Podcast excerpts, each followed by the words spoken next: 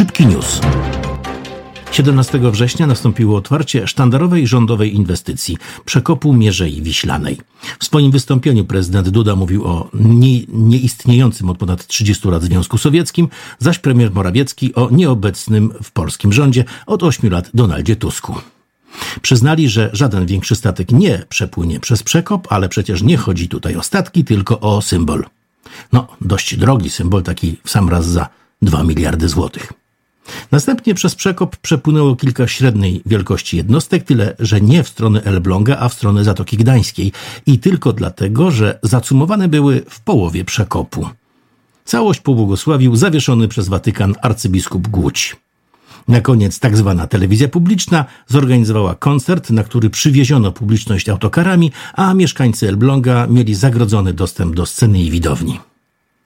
Uważamy, że sobotnia chucpa to kwintesencja rządów PiS, które dawno już przekroczyły poziom absurdu czasów PRL-u. Podczas ubiegłotygodniowych obrad Sejmu po raz kolejny obie strony polskiej sceny politycznej obrzucały się inwektywami i zarzucały współpracę z Putinem. Kaczyński po raz kolejny złamał regulamin Sejmu, a marszałek Witek udowodniła po raz kolejny, że nie nadaje się na to stanowisko.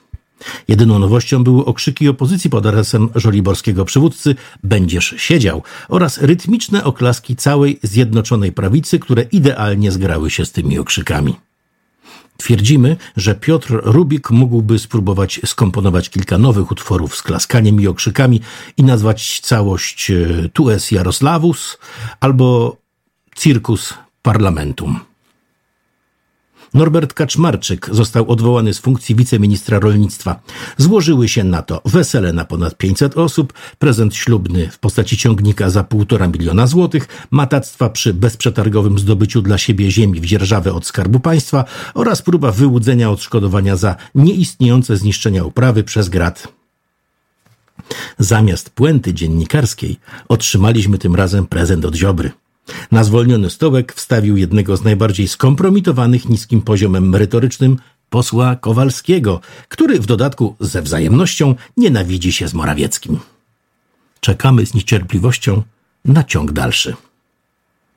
Telewizja TVN wyemitowała reportaż, z którego wynika, że Antoni Macierewicz, publikując kuriozalny, niby końcowy raport komisji, komisji smoleńskiej, zataił wszystkie niekorzystne dla swoich tez ekspertyzy. Opozycja nazwała go człowiekiem Kremla i kolejny raz wezwała do likwidacji komisji, która za właściwie żadną pracę otrzymała do tej pory ponad 30 milionów złotych ze Skarbu Państwa. Natomiast Macierewicz nazwał opozycję agentami Kremla i zapowiedział ruchy prawne przeciwko TVN. Bardzo nas ciekawi, jakie haki ma Antoni na Kaczyńskiego i Ziobrę, że ci siedzą jak mysz pod miotłą i pozwalają mu na ośmieszanie Polski i w kraju, i poza jego granicami.